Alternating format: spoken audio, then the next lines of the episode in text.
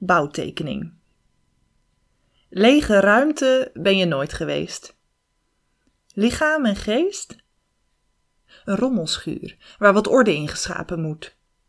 Muurtje eruit, pui erin, veel glas.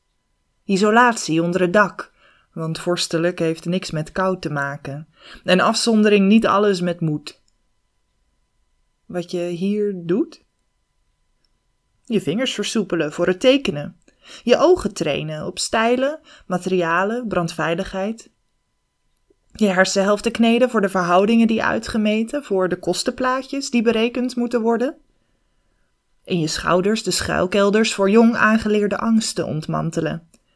Heilzamere houdingen voor aan de tekentafel proberen. De nog onbestaande lijnen en constructies die je gaat verzinnen, één voor één ontfutselen aan je hoofd. Je hart. Alles is al voorbereid en uitgedacht. Talent, het verborgene en dat aan je oppervlak in kaart gebracht. En alles past. Maar het is jouw werk.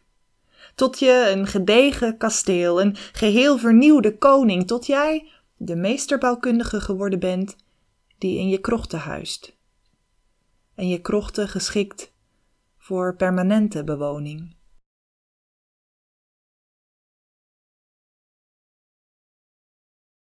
Zelfkennis.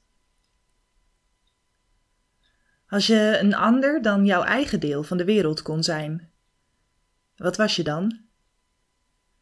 Als je een dier was, een gewelf of grond, een ander mens, en dan het verband met wie je nu bent. Zou ik regen zijn? En van alles willen wassen, bewateren, gaten daveren en wat plaats moet maken, aaien wie het nodig heeft en wegspoelen wat weg.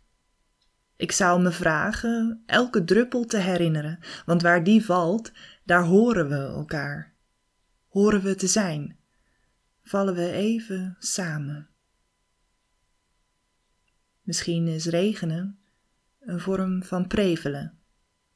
En hoef je je woorden maar te volgen om de wolken, hun verschijnen, hun verdwijnen, te zien varen.